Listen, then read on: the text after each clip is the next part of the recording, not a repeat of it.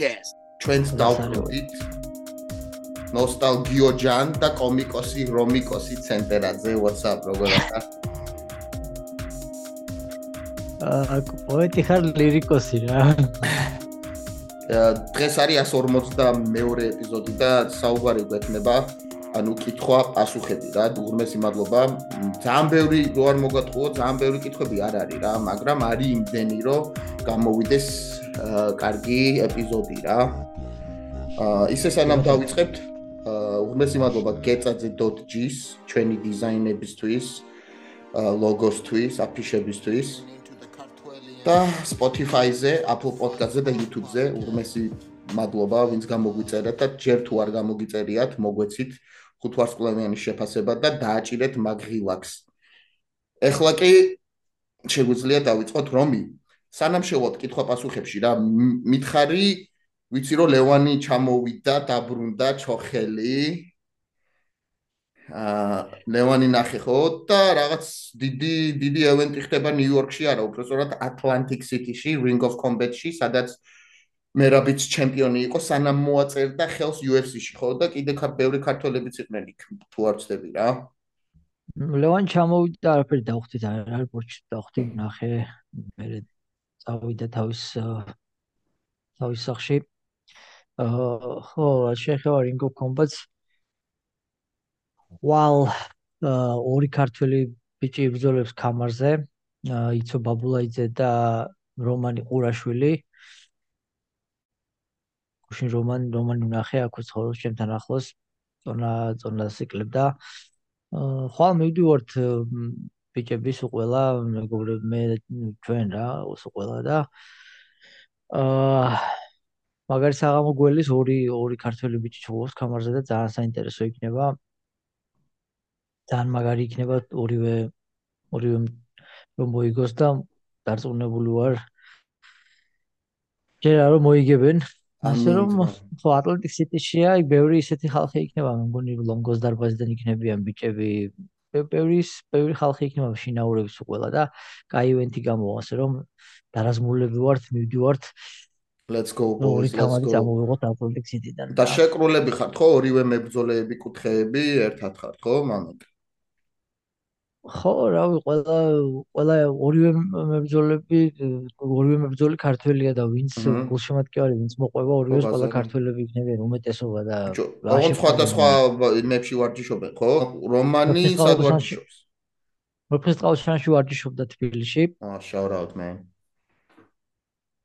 ну ბოლოს რამდენად ვიცი მანამდე მე მგონი სადღაც არ ვიცი სად რომანი ლონგოსთან ვარჯიშობს დარბაში ვა, ეხა არის ლონგოსთან? საღო, საღო. ანუ ლონგო იქნება ხო? ხო.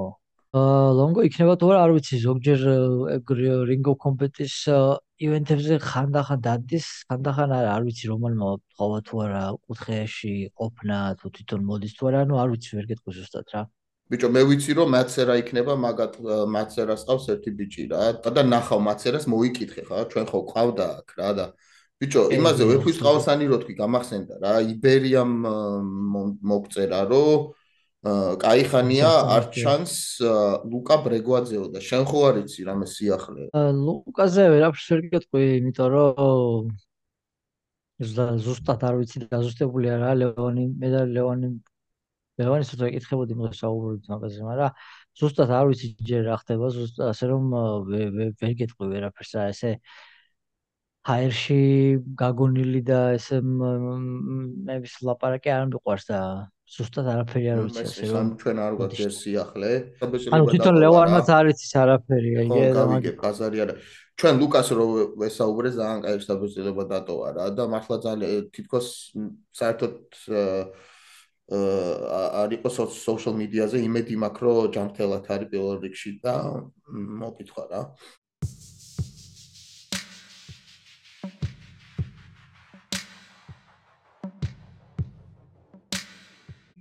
რას ფიქრობ ახლა რა UFC 298-ის aftermath, ხო იცი aftermath, რო ბოლოს დაწყნარდა, გავიდა რამოდენიმე კვირა და ანუ როგორი გძნობა და რა სიტუაცია არის რა. აა ნახეთ ჩვენ ბევრი რამ. თოფურიას თოფურიაზე არის ბევრი რამ მოკლედ გამოამჟღავნა რომ დიდი ხანი არ უნდა ამ სპორტში დარჩენა არ ვიცი თუ არ ვიცი თუ წაიკითხე ინტერვიუში იყო რომ 32-ის მაქსიმუმ რომ მინდა რომ წავიდეო სპორტიდანო რა. მე რა მე ის მიცეს ესპანური მოქალაქეობა მოქალაქეობას აძლევენ. თლიანად ამერიკა არის გაოცებული რამხელა ვარსკვლავის ძალა აქვს თოფურიას, რომ ნახეს ეს რეალ მადრიდი რა. ანუ მოკლედ შეიძლება არ იცოდნენ ბევრმა, მაგრამ ის იციან, სახელი მაინც გაგონებული აქვთ რა, ხოაზე ხარ რა და რომ დაინახაო, რომ დაინახაო, რომ თლიანი სტადიონის სავსე არის, ხოაზე ხარ. ნუ რომც არ იცოდე, მაინც ნუ მოხვალ აზზე რა, ხო გესმის რა. და კიდე რავი მახაჩევთან იყო გაცვლა გაცვლების სიტყვების აა და რავი აი ამ ამ ამ რამეზე თუ სურს საუბარი კი ბატონო აა aftermath-ი როგორ კარგია ძალიან მაგარია აქტიურად აა დღეს მე და ჩემი მეუღლე საუბრობთ რა და მაშო მეუბნებოდა რომ აი ამ ხელა ხმაურიო MMA-ის და UFC-ის უნდა მოჭუბარზე არ მახსოვსო მაგრეგორის მერეო რა ეხა თავისი ის მითხარ როგორც მოგჩოვრებრი მოქალაქის ისე მართალია არ იტყუება არ იტყუება აუ მართალიცა ამ ხელა ხმაური არ მოყოლი არც ჩემპიონს ნუ ყოველ შემთხვევაში ევროპიდან ეხა იმ ხელა ჰაიპი მოდის და კერძოდ ესპანეთიდან. ძალიან მაგრა იმოქმედებს ეგ მაგის კარიერაზე. ფინანსურად რა თქმა უნდა ისეთ ცნობადობით და ყველანაირად. ახლა მაგანაცი უკვე ისეთ იდე თქვა ერთხელ ორჯერ რომ დაიცვას კამარი ხო უკვე რასაც შეეხება ხო? მე ყველაფერი გამო ყველაფერი ოქრო დიქცევა აი როგორც მაგრეგორის შემთხვევაში ვისკი დაიწყო ტანსაცმელები გამოუშვა ისე ესე ყველაფერი წავიდა გამოვიდა რა. ეგრე იქნება ახლა ეგეც უკვე რა იმიტომ რომ აფეთქდა ესე გასკდა მაგისი ისა რა ვარსკვლავი გაიხსნა მაგას და და არ მაგარია ულოცავთ პირველ რიგში. რეალ მადრიდზე საუბარი მე არ მსურს შენ იცი, იმიტომ რომ მე ბარსელონას გულშემატკივარი ვარ, ასე რომ აა ეგ თემა მე არ მაინტერესებს. რა მაგრივ არ ვიძახი რა, ეგ ვიძახი თვითონ ვარსკვლავის იმაზე, ფასზე რა. ხო, არა, რა თქმა უნდა, ეხლა ეგეც მაგარი იყო შესახედი იყო, რომ ხლა მეც ბარსას ვანი ვარ, უფრო ვიდრე რეალი მეც მეოსები. 20000 რაც შეეხება იმას, რომ 32 წლის ასაკში უნდა მინდა რომ დავამთავრო, ახლა როდესაც როდესაც გაძლევ შენი კარიერა იმის საშუალებაზე 32 წლის ასაკში წახვიდე სპორტიდან და ატომაც არა როცა უკვე ძოლები ჩატარებული გაქვს სახელი მოხვეჭილი გაქვს ფული ნაშოვნი გაქვს რაღაცზე უნდა გაჩერდე მე ხო? თუ გაქვს იმის საშუალება ამის ისა თუ გაძლევს შენი გავლილი კარიერა ამის საშუალებას არ არის ცუდი აზრი რა. მე ზოგადად რა შეეხება მახაჩევთან დაპირისპირებას და ეს შემდეგ შევეშვათ ამ დაღესტანელებს თავად მიუშვათ თავიანთ გზაზე რა ვიცი მე ძალიან მინდა რომ ილია 155 პაუნდში რომ ვინც ყავს კონტენდერები იმათ მიხედოს და ესენი დაამარცხოს მაგრამ გამიხარდება ეგ. ზოგადად ერთ რაღაცას ვიტყვი ახლა ერთადერთი კონორმა შემოიღო ეს ძალიან ცუდი წესი მოიგო ერთი კამარი და ეგრევე გადაახტა მეორეზე რა და ეხა უკვე ყველა ნუ პრაქტიკულად ყველას ესე უნდა რომ ქნას და მე არ მომწონს რა სიმართლე გითხრა მე მინდა რომ ესეთი ჩემპიონები იყვნენ როგორიც იყვნენ GSP, Silva, Johnson-ი. ერთი 3-4 ჯერ მაინც უნდა დაიცვა კამარი ჩემი აზრით რომ მე მომდენო წონით კატეგორიაში მესმის შენ მაგრამ ყველა ესე ყველა ესე უნდა ყველას ესე უნდა ეგრე არ არის რა იმიტომ რომ ხო და არა ყველაზე ვიძახი იყო ეხლა ეგრე ვინ გააკეთა ბოლოს ეგა ყველაზე ეგრე არა ვოლკანოვსკიმ რომელსაც ქონდა რამდენი დაცვა, ხო? ერთი წამი, ერთი წამი, ერთი წამი. ყველა ეგრე იძახის თქო, აი, ყველა ყველა ეგრე აკეთებს თქო, ყველას ეგრე უნდა უკვე, აი, და მე არ მომწონს თქო ეგრე რა. ხო, ნუ იქ ცალკე იყო აა მოკლედ მახაჩევის და თოფურიას საუბარი social media-ზე. ონთ ისიც აღმოჩნდა, რომ იძახია, რომ მახაჩევს საერთოდ არაფერი არ დაუწერიაო და ეგ იყო fake-იო რა. და ცოტა ე ყველაზე მაგრა ეგ გამიყდა რა თუ რამე გამიყდა რა. თორე თვითონ საუბარში იქ არაფერი არ იყო ისეთი. აა ისა შენ გამა ბიჯო რო დაუწერა ხო ბიჯო და მე რო ნახო ისა მახაჩევის social media არ სადარ უწერია? ბიჯო უწერია კი მაგრამ მე მე კიდე რაღაცა დაწერა რა კარო ჩერო კიდე კიდე ერთ პატარას უნდაო სმეშიო თუ რაღაცაა რა და ეგ არ უწერია რა არ ვიცი არ გეტყვი ხო. აა შეიძლება უმარეს სიტყვებს მაგან ილიაზე თქვა რაღაცეები. აა და მერაბზეც ხო? კი. აა მაგისი პრინციპში მაგის გადასაწყვეტი არა ილია ქართველი არის თუ არა რა მადლობა ღმერთს. მაგრამ რაღაცებს გაუსვა იქ ხაზი. მაგრამ ნუ მაგაზე ეგ ისეთ საუბროა ასე ორ სიტყვაში ვერ იტყვი ცალკე გასავსებია და ესა და. აა მერაბსაც შეეხება იგივე თქო დაახლოებით რაც პიტრიანმა უთხრა მერაბს გახსოვს ზირო ხარო რა. und ამან უფრო კულტურულად თქო ვითო რა ანუ უპატიციოლობა არ გამომივიდეს მაგრამ იგივე თქო ფაქტიურად და. აა რავი ბოლოს მითქვა ეგეთი რაღაცა მერაბზე კი ნახე რა დღეს ჩააგდო და. ნახოთ. ჯერ ჯერ მაგბიჭისთვის ადრია მაინც ტიტულზე ლაპარაკი იმიტომ რომ ერთი მინიმუმ ერთი ჩხუბი უნდა მოიგოს სტამბეშტავა და თან ტოპ 5-ში და რაც ერთი რაღაცა მინდა თქვა მერაბზე რა ერთი რაღაცა რაც მერაბს ექნება ყოველთვის ყოველთვის ვარ დიდი ხნის განმავლობაში ექნება სხვებზე ანუ სხვებზე მეტი მეტად რა სალაპარაკოთ ის რომ მე რამ რო გაიარა ტიტულამდე ტიტულის სატიტულო ბრძოლამდე გზა ეგეთი რთული გზა და ესეთი ფუნდამენტალურად ძლიერი არგუმენტი ტიტულისთვის არავის არ ქონია არაზროს ამ წონით კატეგორიაში რა. ამდენი მოგებები ამდენი ჩემპიონები არავის არ დაუმარცხებია აა ტიტულამდე იმისთვისო ტიტულისთვის ბრძოლა მიეღო. მერაბის გარდა რა. ასე რომ ამაში მართლა ვერანაირ შეედრება რა. ეს არის მაგის ყველაზე მყარი არგუმენტი რა. ამით შეუულია ყოველას მოუგოს ყველანაირი არგუმენტი ყველაფერში. კი. ესე რომ შეუულია თვითონას თქვა რა, რომი, რომ მე მჯერა რომ ერაბი იქნება ჩემპიონიო რა და იმაზე ვერაზე და ომალიზე თქვა რომ ომალიო მოიგებსო რა.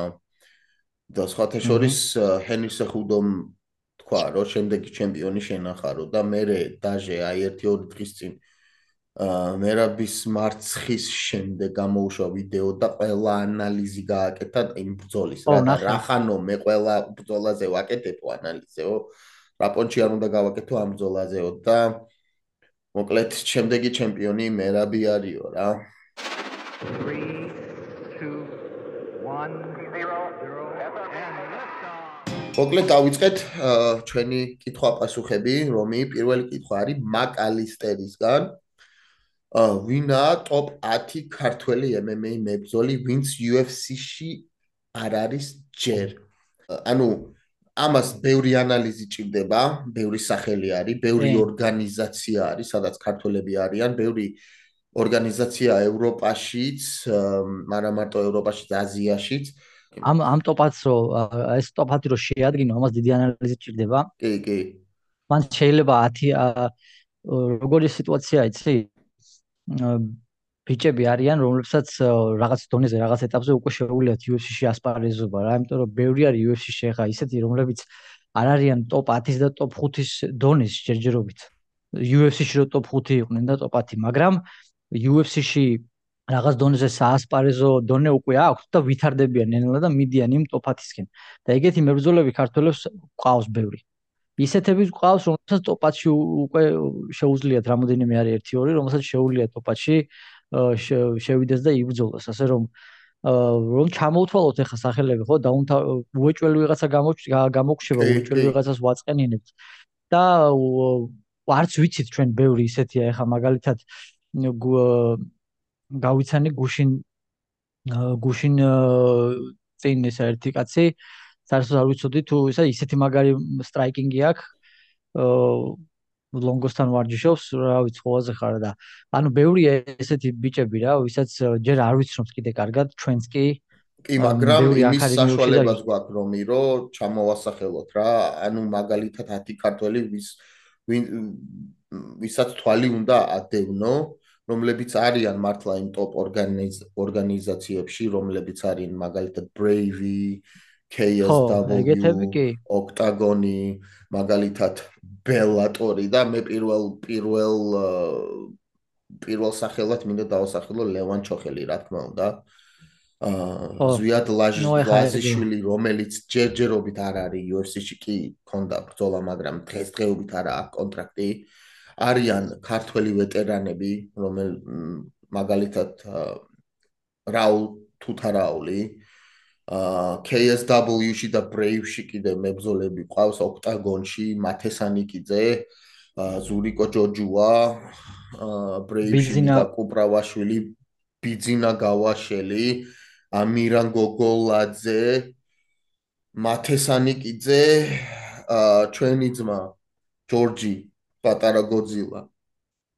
ხო. გიოს გიოს პრობლემა არის თვითონ სურვილი. თვითონ მაგას თუ ექნება სურვილი, ყველაფერი შეუძლია. მაგას აქვს სურვილის ჩემი აზრით უფრო სურვილის мотиваციის პრობლემა აქვს რა, თორე ფიზიკურა ფიზიკური მონაცემებით გიორგი კუდუხაშვილი ნებისმიერ ადამიანზე მაღლა შემიძლია დავაყენო მაგ ზონაში 125 ფუნტში რა, 57 კილოგრამში.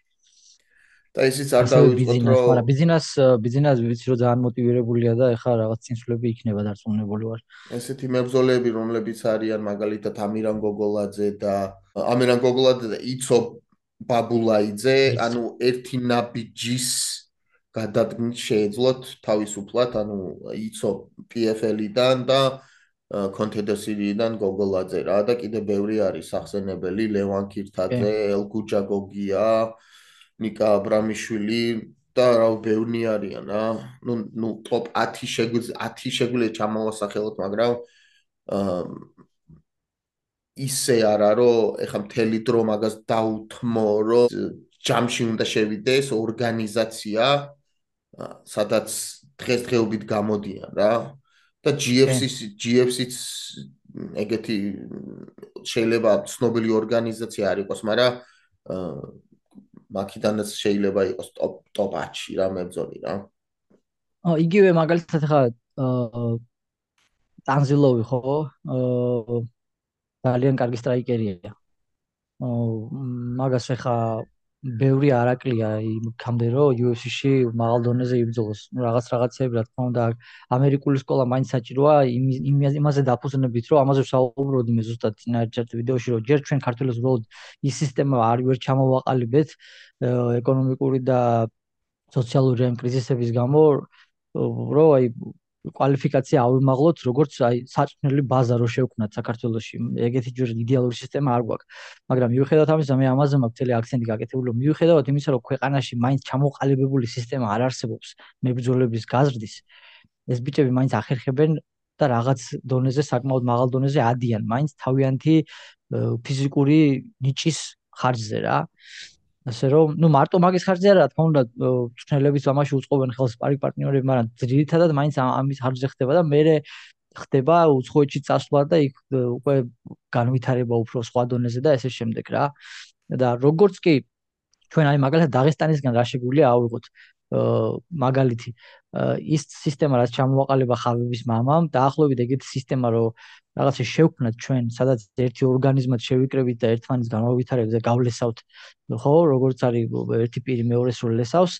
აი ესე მებრძოლებშიც ეს თუ ჩამოყალიბდება ეს კულტურა განვითარების ერთმანეთზე მიხმარების და აი ამის ამაზე დაყნობით წინსვლის ყველასი ერთად ეგ იქნება ძალიან მაგარი და ერთი კი არა 2 3 4 ჩემპიონი შეიძლება ვიყოლიოთ მომავალში თუ ეს მოხდება სწორად განვითარება წინ წასვლა რა. ამინ და ეგრეც იქნება. მოდი გადავიდეთ შემდეგი კითხვა არის გიორგი ედიშერაშვილისგან.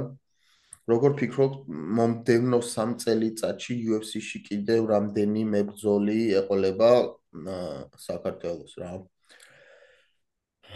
You want to go or should I? ხო, ნუ ეხა ეხა ეგეც იგივე დაახლოებით ეს არის, ნუ მე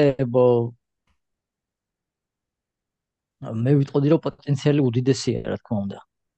აქ ისე და ისევ ისე და ისევ აი ამ სისტემას უნდა დაუბრუნდეთ და ასევე პოლიტიკა. პოლიტიკას არის ამაში დიდად ჩართული სამწუხაროდ საბედნიეროდ. ბაზარი არ არის მენეჯმენტი და პოლიტიკა გამიგე უყურე. ეხა მაგალითად თქვა იგივე მერაბი რასაც აკეთებს თქვა იგივე ილიას თუ უფრო უფრო ეხა ესპანეთის მერე თქვა თუ აი საქართველოს თემას წამოწევს რა ეხა საქართველოსში წავიდეთ UFC-თ აი თქვა მაგარი იქნება მაგალითად ილიამ რო თქვა ეხა უყურ რა ხდება შეხედე. ესპანეთში ხომ მიდის ახლა UFC უკვე თქვა დეინამ რა. დენა როცა ამბობს. დენა საერთოდ ხუბის მერე აა პრეს კონფერენციაზე არავის არ ამბობს არაფერს დაზუსტებით. რო კითხავ რაღაცას აა დღეს ახლა მოხდა ჩუბები და სამშაბათს შევიკრიბებით ოფისში და გადავწყვიტავთ და რაღაც ძირთად ეგრე ამბობს ხოლმე რა. ხანდახან აი რომ რაღაცას ამბობს ზუსტად დაახლოებით რა. აი კი, კაი აზრიაო და მაგას რო ამბობს, ესე იგი უეჭველი გადაწყვეტილი აქვს, რომ შეეცდება რომ ეს გააკეთოს. ესპანეთზე ისე ილაპარაკა. უკვე თითქმის მოყომარებული ბაზარია, რომ უეჭველი წავლენ ესპანეთში. თან ახლა ჰაიპი, ეხლა რაც გამოჩნდა, ხო, ბერნაბეუ იქ მთელი ამბები და აა ამას რა მოყვება რა იცი? ესპანეთში რო წავლენ, იქ საჭიროა ადგილობრივი მებრძოლები. ეხლა სამწუხაროდ ესპანეთს დღესდღეობით არ ყავს main card-ზე რო შეავსოს ისეთი მებრძოლები 3-4 კაცი ხო ჭირდებათ რა არ ყავთ ეგეთი ამდენი მაგარი ხალხი. მე მგონი თოფურიას გარდა მართლა არ ვიცი ერთი ორი კაცი ყავთ UFC-ში მაგრამ ეგენი იმისთვის არ არიან მზად რომ pay-per-view-ზე main card-ზე იბრძოლონ რა. ხო და ამიტომ მაინც გინდა არ გინდა მაინც მოუწევთ რამოდენიმე ესპანელი მებრძოლისთვის კონტრაქტის შეთავაზება რა. რო შეავსონ. და ეს არა აქვს მნიშვნელობა მეორე ხარისხოვანი მებრძოლი იქნება თორემ ესპანელი სახელები ჭირდებათ როცა იქ ჩადიან ადგილობრივ ადგილობრივი მებრძოლები. იგივე თემა ანუ მაგალითად თქვა ესპანეთის მე თქვა არა არა არა მაცადე ვიდივარ ესპანეთის მერე ესპანეთის მერე ხო და გეუბნები რა როგორ მივალთ მაგამდე რა? ესპანეთის მერე თქვა ილიამ თუ თქვა ეხა რომ ეხა უკვე საქართველოს ჯერია წავიდეთ საქართველოსში ეხა ესპანეთი ჩავატარეთ. ელოები თქვა რომ თუ ვინც იქნება რომ დაამარცხოს ესპანეთში მაგარი კამრის დაცვა გააკეთოს და მე თქვა რომ ეხა წავიდეთ საქართველოსში. ეს გამოიწვევს უკვე მასიურად ქართველი ბიჭების მომატებას UFC-ში გამიგე ამას ვიძახი. ამაზე არის დამოკიდებული, თორე კიდევ ერთხელ მიმურები ის, რომ ჩვენ ყავს დღეს ბიჭები, რომლებიც მზადარიან UFC-ში მოხვდნენ და იქ უკვე განვითარდნენ ნელა, საზღვარგარეთი ვარჯიშონ იარონ, აქეთ ჩამოვიდნენ სახშიც მოემზადონ. ეს უკვე არის ამის პოტენციალი და ეს ყველაფერი არის.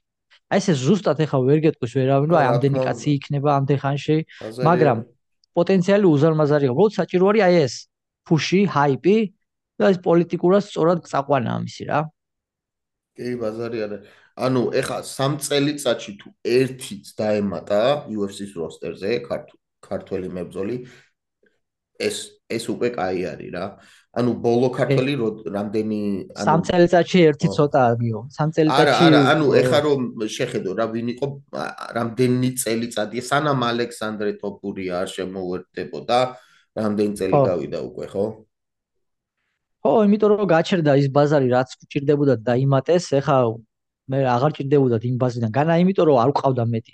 უბრალოდ ბაზარი აღარ აღარ აღარ ჭირდებოდა ეგ ბაზარი გაჩერდა ცოტა ხანი იოსისთვის. ეხა შეუძლია შეგვიძლია ილიას ხარზე ის ისე ამოვქოქოთ, გამიგე ამას ვიძახი. ეს უნდა ამოვქოქოთ ისე, უნდა ამოიქოქოს ეს ისე, რომ აი ქართველების თემა რა. ამიტომ უნდა გაჟღერდეს ხშირად საქართველოს და ესე შემდეგ. ну მე მე პირადად ერთი რო დაემატო სამ წელიწადში გმაყოფილი ვიქნები, როგორც ახლა ფანი. მაგრამ ორი ორი თუ დაემატა აი მარ მე მგონია რომ მეტი მეტის პოტენციალი გვაქვს, მეტის პოტენციალი გვაქვს. ვნახოთ. ვნახოთ. აა მოდი გადავიდეთ, ხო, შემდეგ შეკითხვაზე. გადავიდეთ. აა Facebook-ზე ერთი კითხვა მეც და მე საკ გავასე არის, ჯარჯიმ დამისვა კითხვა ნონაშუმა, ჯარჯი მოგიკითხა აქედან ძმაო. და მეკითხება რომ რას ურჩევდი ახალგაზრდა მებრძოლებს შენი აზრით რა არის უმთავრესი წარმატებისთვის. ნუ ეხა აკო ორნაირი პასუხია ინდივიდუალურ დონეზე რა თქმა უნდა ეს გაცვეთილი თემაა და ყველამ ვიცით შრომის მოყარეობა რაც უფრო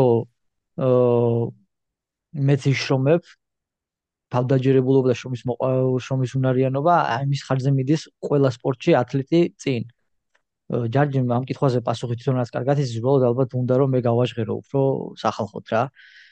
შრომის მოყარეობა თქმა უნდა თავდადება და მოსმენა დაჯერება ძალიან მნიშვნელოვანია, როცა შედიხარ დარბაში ყური არ ყურს არ იპარტყუნებს ზოგი და ერთ-ერთ ჯგუფს რომ მოიგებენ და მე როგონია თავი გენიოსები და ესე შემდეგ, აი ეს მიდგომა არ ვარ, უნდა დაუჯერო ჩნელს ვინც ცარიელი ფურცელი რო იყავი დარბაში რომ მიხვედი და რომ შეგავსო იმას უნდა მიყვე. არა აუცილებელი მე თქვა შეგიძლია სხვა დარბაზში წახვიდე, სხვაგან ისწავლო ცოტა, მაგრამ ყოველთვის უნდა კონდეს პირველი კლასელის დამოკიდებულება ამ ყველაფრის მიმართ. ეგ მეორე კოლექტიურად რაც შეეხება ისევ და ისევ სისტემას უბრუნდებით. საჭირო არის ხელი შეეწყოს სპორტს. უნდა იქცეს MMA ნაციონალურ სპორტად, როგორც ჭიდაობა და ძიუდოა რა. აა იმიტომ კი არა რომ კი, გასაგებია ჭიდაობა უფრო ჩვენი სპორტია და ძველი სპორტია და ქართული ჭიდაობა არის, მაგრამ იმიტომ გახდა და იმიტომ შევინარჩუნეთ ეს ჭიდაობა, რომ ამის უნარი გქონდა და ამის ხარჯზე ხალხმა რომ ნახა, რომ ამა ეს კარგად გამოგდიოდა, შევინარჩუნეთ გახდა ნაციონალური სპორტი, ფედერაცია გაიზარდა ესე შემდეგ და ძლიერი სპორტი გახდა საქართველოში და ბევრი მოჭიდავეები მოდიან. ეხლა იგივე ხდება MMA-ში. გამიხსენოთ, რომ თავიდან ჩვენ ამ სპორტში ესე არ ვიყავით, როგორც კი აა შევედით ამ სპორტში, კაი რეზულტატები დავდეთ, გამოგდის კარგად აშკარად და ამას ჭირდება ხელის შეწყობა. უნდა ჩამოყალიბდეს ეს როგორც ნაციონალური სპორტი და უნდა როგორც ჭიდაობაში მიდიან ბავშვები ყალიბდებიან, მერე გადიან საქართველოს ჩემპიონატებზე და ესე შემდეგ ესე შემდეგ სისტემატურად სისტემურად არსებობს აა რა ქვია იმას ბლუპრინტი რა, როგორც ქართულად სქემა არსებობს, რომელსაც უნდა გაყვე. აი ეგრე უნდა შეიქმნას MMA-ისთვისაც რა, ეგ იქნება ძალიან მაგარი, მასიურად რომ გაიზარდონ ბავშვები რა. ალეს ქარცივაძესგან არის ორნაწილიანი შეკითხვა თქვენი აზრით მაინტერესებს? გამოხდება თუ მერაბი აიღებს თამარს იქნება დომინანტი ჩემპიონი თუ არა უნდა? შენ რას ფიქრობ აა მეტი იბაზე რა გულავე რა. მერაბი თუ აიღებს თამარს იქნება დომინანტი ჩემპიონი თუ არაო. აა თან იქიდან გამომდინარე რომ ეს არის დღესდღეობით UFC-ში ყველაზე რთული წონითი კატეგორია 135 ფუნტი 61 კილო. რთულია რა თქმა უნდა მაგრამ პირველ რაუნდში რა შეცდომებით მოსდის მერაბს მაგიებს თუ გამოასწორებს ხო?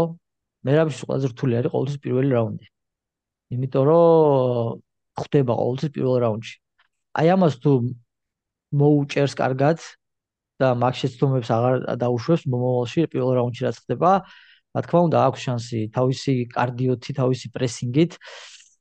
მ ოშმარია მაგასთან ბრძოლა დამიჯერეთ მე მის პარინგი არის და მიჭიდავია მერაბთან და ეხლა რა თქმა უნდა თელი ძალით არ წამოსულა მაგრამ დაახლოებით რო გძნობ ადამიანი რო ეხლა სხვებთანაც ყოფილვარ რა სასწაული პრესინგი აქვს, აი სუნთქვის საშუალებას არ გაძლევს რა. საერთოდ რო ჰაიერს ვერ იქნებ, გამიგე? აი გარი მაგ ეს არის რა ქვია სულთან ხუთავია, გამიგე? ამაზე როცა ებზვი რა.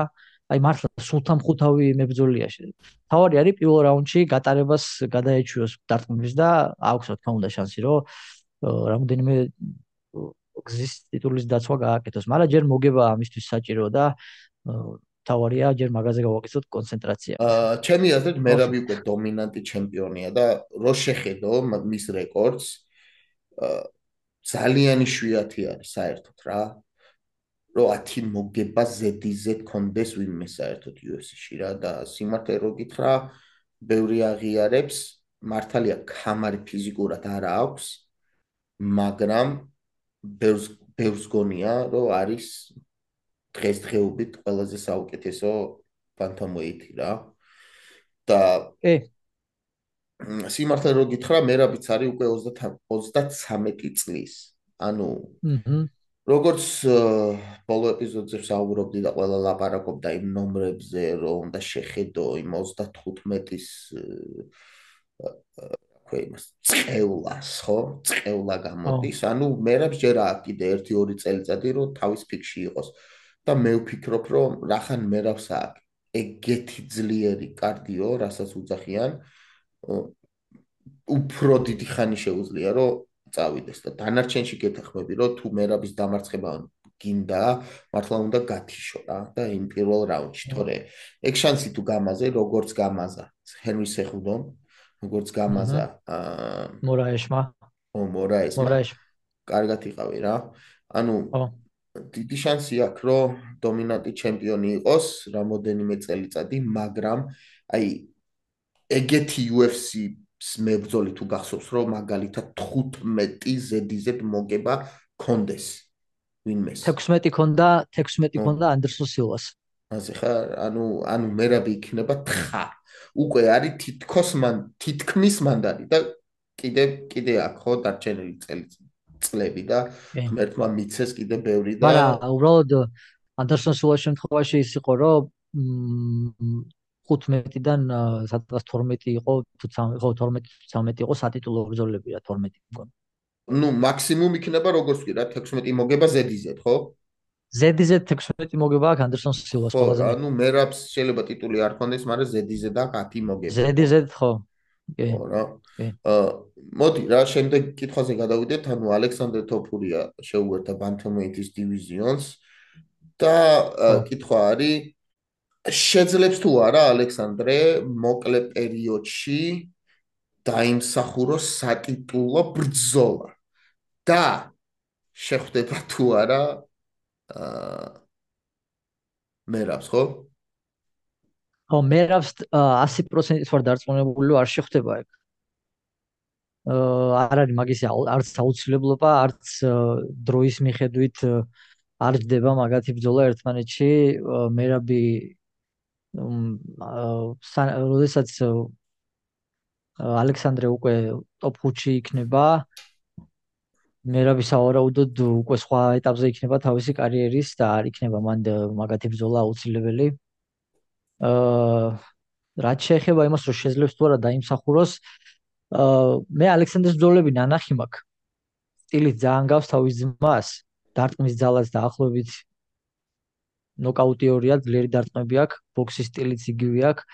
დაჟე გამიგია კიდევაც ბიჭებისგან, რუსთაველ ბიჭებისგან, ვინც მაგათთან ერთად ვარჯიშობდა ბავშვობაში, რომ ალექსანდრე ილიაზე უფრო მაგარიც იყო და ილიასაც უთქვამს ეგ, რომ უფრო ნიჭიერი და უფრო მაგარი იყო თავიდან რა. აა ასე რომ პოტენციალი მაგისი არის რა თქმა უნდა. ერთადერთი აქ კითხვის ნიშანი სადაც არის, არის ის არის რომ ალექსანდრეს ბრძოლები ჯერ არ გვინახავს მაღალი დონის უფრო და უფრო მაღალი დონის მოწინააღმდეგეებთან ანუ UFC-ს გარეთ ვის მოუწია ჯერ დიდი პაუზა ქონდა ხელი კიო და ასე შემდეგ და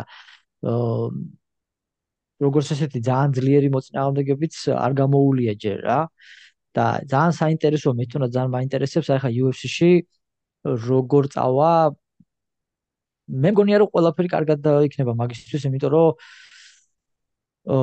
ფიზიკურად ძალიან დახვეწილია მისი ძმა თავისი ძმასავით კარგი მებრძოლია ტექნიკურად ძალიან კარგი მებრძოლია და წინაპირობა იმისათვის რომ წარმატებული იყოს UFC-ში არის აშკარად. რა შენ რას ფიქრობ? ჯიგარი ხაზმა you set me up real good იმიტომ რომ მე ამაზე ვიფიქრე ბევრი რა ანუ რას ნიშნავს რომ მოკლე პერიოდში ანუ სწრაფად დაიმსახუროს ტიტული ხო? ანუ არიან მასტები რომ აი მაგალითად მერაბი უკვე რამდენი წელიწადია ხო? და რამდენი მოგება აქვს და ჯერ ტიტული ტიტულის ბრძოლაზე არ მისულა რა ხო გესმის? ან ლიონ ედვორდსი ბელალ მოჰამედი მაგრამ არ გჭირდება ეს მაგალითები ავიღოთ მერაბი მე ავიღოთ? თოფურია ილია რა 2020 წელში ხო მგონი ანუ 4 წელიწადში და 7 ბრძოლაში მოახერხა. ჩემი აზრით ეგ არის მოკლე პერიოდში. ეგ ჩემი აზრით ეგ არის მოკლე პერიოდში აღება კამრის ბძოლის რა. და ამაზე უკეთესად თუ ვინმე გააკეთა ძმაოს საღო რა და თუ ვინმე შეუძლია მაშინ ნამდვილად ფიქრობ რომ შეიძლება იყოს ალექსანდრე თოფურია ოღონდ აა ძალიან ადრე არის რა. ანუ იმის თქვა მინდა რომ ჯერ 1-2 ბრძოლა უნდა კონდეს ალექსას ტოპ 15-ის გარეთ. ყველაზე მთავარი რაც რასაც ვხედავ მე ილიაში და მის ძმაში არიან ვიანები არიან. სწორი გადაწყვეტილებებს იღებენ რა. ანუ აშკარად ეთყობა რომ ეთყობათ რომ ბრძოლის გარდა სხვა რაღაცებსაც შეისწავლიან ბაზარს პოლიტიკას როგორ მენეჯმენტს როგორ უნდა გააკეთოს საკუთარი თავის პიარი როგორ უნდა გააკეთოს საკუთარი კარიერის პრომოუშენი აშკარად ესმით გამიგე და მაგაზე გამომდი აქედან გამომდინარე და მაგაზე დაყნობით მგონია რომ ალექსანდრეც თუ ესე თავის ძმასავით მოგებების მოგებებით დაიწყებს UFC-ში კარიერას მაგასაც ავარაუდოთ მალე მოუწევს ე კატაპულტირება ტიტულისკენ რა. თავარია რომ აი ეს გამარჯვებები იყოს რა. კი, ბაზარი არა, რომ ისეთი გამარჯვებები რომ იყოს მაგალითად რომ არის ყველა გადაწყვეტილება შეიძლება უფრო ნაკლები უფრო ზედმეტ ბევრი დრო დაჭirdეს რა ხო გესმის? მე არ გამოურიცხავ რა ასეცი ალექსანდრე თუ წინ წავა მალმალე და თქვა შონომალი თუ დაკარგა ტიტული სასურველი რომ ერაბთან დაკარგოს. არ გამოურიცხავ რომ ილიასთან რო იძახის ბრძოლა მინდაო შონომალი ეგ არ მოხდება ჩემი აზრით მაგრამ არ გამოურიცხავ რომ ალექსანდრესთან მოუწიოს ბრძოლა რა ხო რა ხან ბანთამ ვეიჩი არის მართალი აჰა კი, საინტერესოა. უბრალოდ იმის თქვა მინდა ბოლოს გავუსვამ ხალხს, რომ ილიამ რო გააკეთა ესეთი ასვლა, ესეთი სწრაფი და ესეთი დომინანტი, მაგაზე უკეთესი ну მე მაგრეგორი იყო ერთი რა და რა ну ნაკლებად მგონია რეალური მაგრამ თუ ვიმე მარსებობს რომ კონდეს იმის შესაძლებლობა ეს იქნება ალექსანდრე თოფურია წარმატება მას. ახალი bantamweight goat მოდის ჩვენიანი რა. აა ოკეი მოდი გადავიდეთ ხო? გადავიდეთ. First georgian პირველი ქართველისგან ესეთი კითხვა. ჩვენი ძველი ძირძველი მაყურებელია ეს. ი მახსოვს. აა თქვენი გადმოსახედიდან 2030 წელს, ანუ დაახლოებით 5 წელიწადში, რამდენი ჩემპიონიან ყოფილი ჩემპიონი ეყოლება საქართველოს UFC-ში. დაახლოებით ერთ და იგივე სცენარის კითხვებია, ყველა საინტერესოს მომავალი, მომავალი ჩვენია, აშკარად, მომავალი ნათელია ქართველებისთვის. კიდევ ერთხელ ვიმეორებ, თავარი არის, აქ ახლა უკვე პოლიტიკის ამბავია რა. ჩვენ ახლა გვჭირდება ჰაიპი. რომ ამ ამ ბიჭებს მიეცეთ შანსი. გამიგე? აი გარი თავარი. აი რაც გააკეთა ხაბიბმა თავის დროზე. ხაბიბამდე არც ერთი დაღესტანელი არ იყო UFC-ში. ხაბიბი მოვიდა და მოყარა მე მთელი ისა. განა იმიტომ რომ აქამდე ეს ბიჭები ყველა მაგრები იყვნენ, მაგას ვინც ყავდა გუნდში, მაგრამ ვერანუ ვერ ამჩნევდა. გამიგე? იმიტომ რომ დაღესტანი არ არის არც ამერიკა, არც ესპანეთი, არც საფრანგეთი, არც ისა და არც ისა. არავინ არ იცნობდა აქამდე. მაგრამ გააცნო ხაბიბმა და ეს ხალხი შემოიყვანა დააძალა ფაქტიურად UFC-ს და მე ნახეთ რაც ქნის და რაც მოხდა. ეხლა ფაქტიურად საჩემპიონო ჩემპიონები და საჩემპიონო ხალხი ყავთ. იგივე ქნა მაგრეგორმაც თავის დროზე ირლანდია გააცნო MMA სამყაროს, მოყარა თავის ირლანდიელი ძმები, შემოიყვანა UFC-ში. აა და რა ქვია მას, ну სამწუხაროდ ახლა ირლანდიელებმა ვერ ვერ ქნეს იმდენი ამდენ თქვა დაღესტანელებმა, ამდენ თქვა ჩვენ ქართველებს შეგვიძლია აშკარად, ხო? რომ არ აქვს ის ბაზა მაინც? ბოქსის ბაზა ცოტა რთულია MMA-ში რა. და იშვიათად რო გაამართლოს, მაგრამ ну ამის ამის ხარჯზე მოხდა ეს ხალხის მოსვლა UFC-ში რა.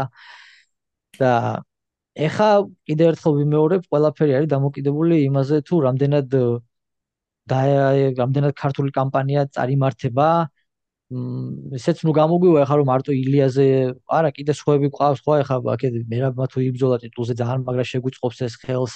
მე გიგა ვნახოთ რასიზამს მე ალექსანდრე თოფურიას დაემატება ამ ყველაფერს იქით გურამას უნდა დაენიშნოს ახლა მალე ბძოლა და აი ეს ქართველი ბიჭების გამოჩენა UFC-ში და ამით საქართველოს წინ წამოწევა შეუწყობს ხელს დანარჩენების შესვლას. და შეეხება ჩემპიონებს საჩემპიონო ბევრი ყავს მართლა თითქმის ეხა ვინც ყავს ამ წუთას თითქმის ყველა საჩემპიონო ბიჭები არიან. გარეთ ვინც ყავს მაგათაც შეუძლია ეხა მე ჩოხელზე არ საუბრობ როგორც ხედავ დღეს იმიტომ რომ ჩემი ზმაკაცი და ნეპოტიზმში ჩამომართმევენ. მაგრამ იმედი მაქვს ჩოხელი თავის ნიჩს რაც აქვს და რასაც მე ვხედავ დარბაში იმას გამოაჩენს მალე UFC-ს ოქტაგონში რა.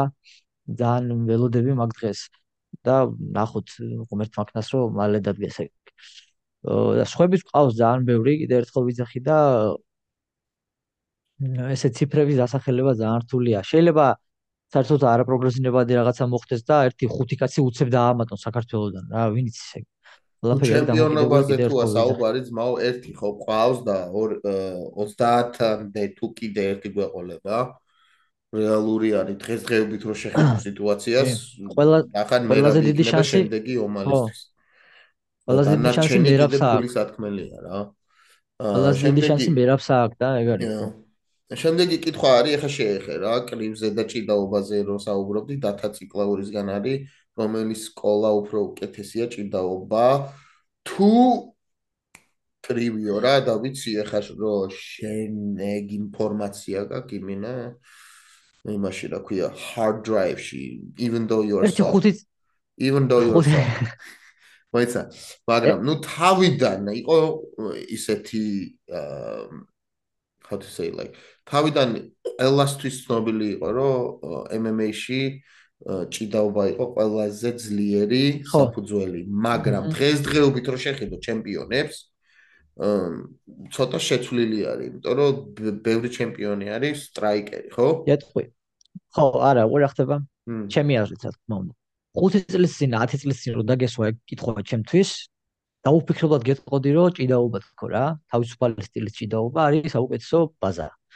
მაგრამ დღეს უკვე როგორც ევოლუცია ხდება სპორტის ხო? როგორც ესეთი.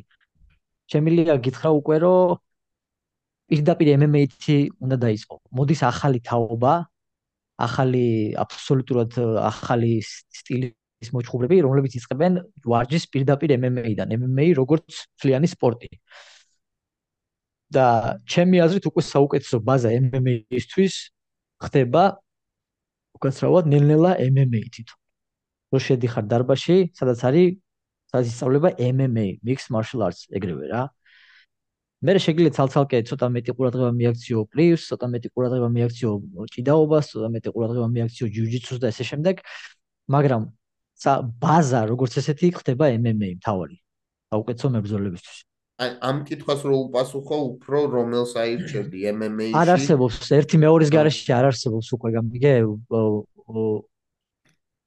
არ სტრაიკინგი არსებობს ფიზიკური მოჭიდავის ძალის და გრეპლერის ტექნიკის და შეგნების პოზიციების შეგნების garaში და არც მოჭიდავე არსებობს საბაზისო სტრაიკინგის garaში.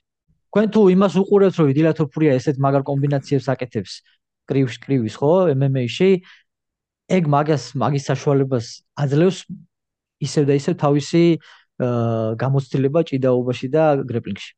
ჩემი აზრით ჭიდაობა უფრო უფრო ადრე უნდა დაიწყო. რახან ისე ჩანს რომ მაინც მგონია რომ ეხა მარტივი ცუდგაგებაში არა, მაგრამ მაინც მგონია რომ გომი უფრო მარტივი არის ვიდრე ჭიდაობა რა. მარტივი ტექნიკურად არა, მარტივი არ არის. ფიზიკურად მარტივი არ არის. მოგესმის, ანუ ძალის მხრივ ფიზიკურად უფრო დამღლელი. მაგაზე პასუხს გეტყვი. საბაზისო შე რასაც ხედავ, აი ხელები რო აქვს, ეგ არის საბაზისო ყველაფერი.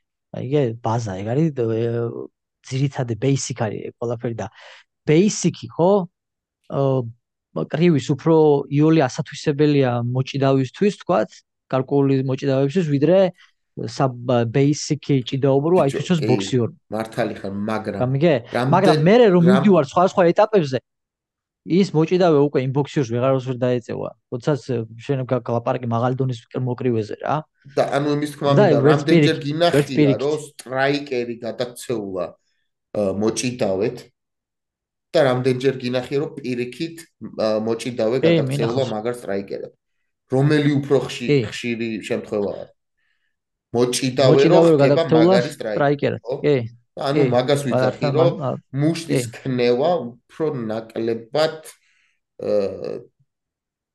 დამღლელი გამოდის. ხო, ესე ესე ზედაპირულად მე ხვდები რასაც იზახი შენ ესე ზედაპირულად ვერ ვიტყვი თლიანობაში, მაგრამ კი, რა თქმა უნდა, ჭიდაობიდან მოსულ ადამიანს მაინც თუ მანდა მაინც უნდა ვილაპარაკოთ იმაზე რომ ცალკეული სპორტიდან რომ მოდიხარ MMA-ში როგორ არის ჭიდაობიდან მოსულ ადამიანს მაინც ყოველთვის უფრო უადვილდება აუწყოს ფეხი MMA-ის დინამიკას რა. აი შენ მაგალითად ორივე ორივე სკოლის ვარჯიში გინახია, ხო?